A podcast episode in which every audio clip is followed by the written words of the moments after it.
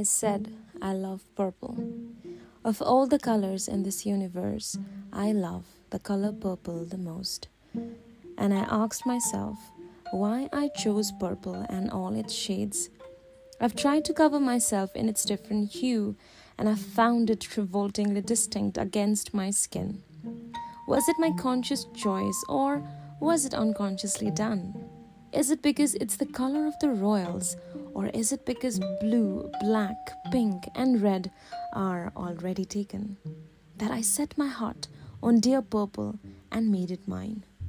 I've lost the reason to love purple, but I still do love it without reason.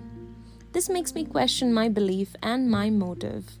Why do I need any reason to love a color? Does it have to have a purpose? Can it not exist without a definite objective? I love purple, even if it refuses to mix with me. I let it breathe on its own without burdening it to complement me. I say I love purple without a purpose or a need for it to be anything else but a color. I hope I make it known to myself and to the world about most things in life and how I perceive love. That it is a gift to love without any purpose, to love for the simple pleasure of loving.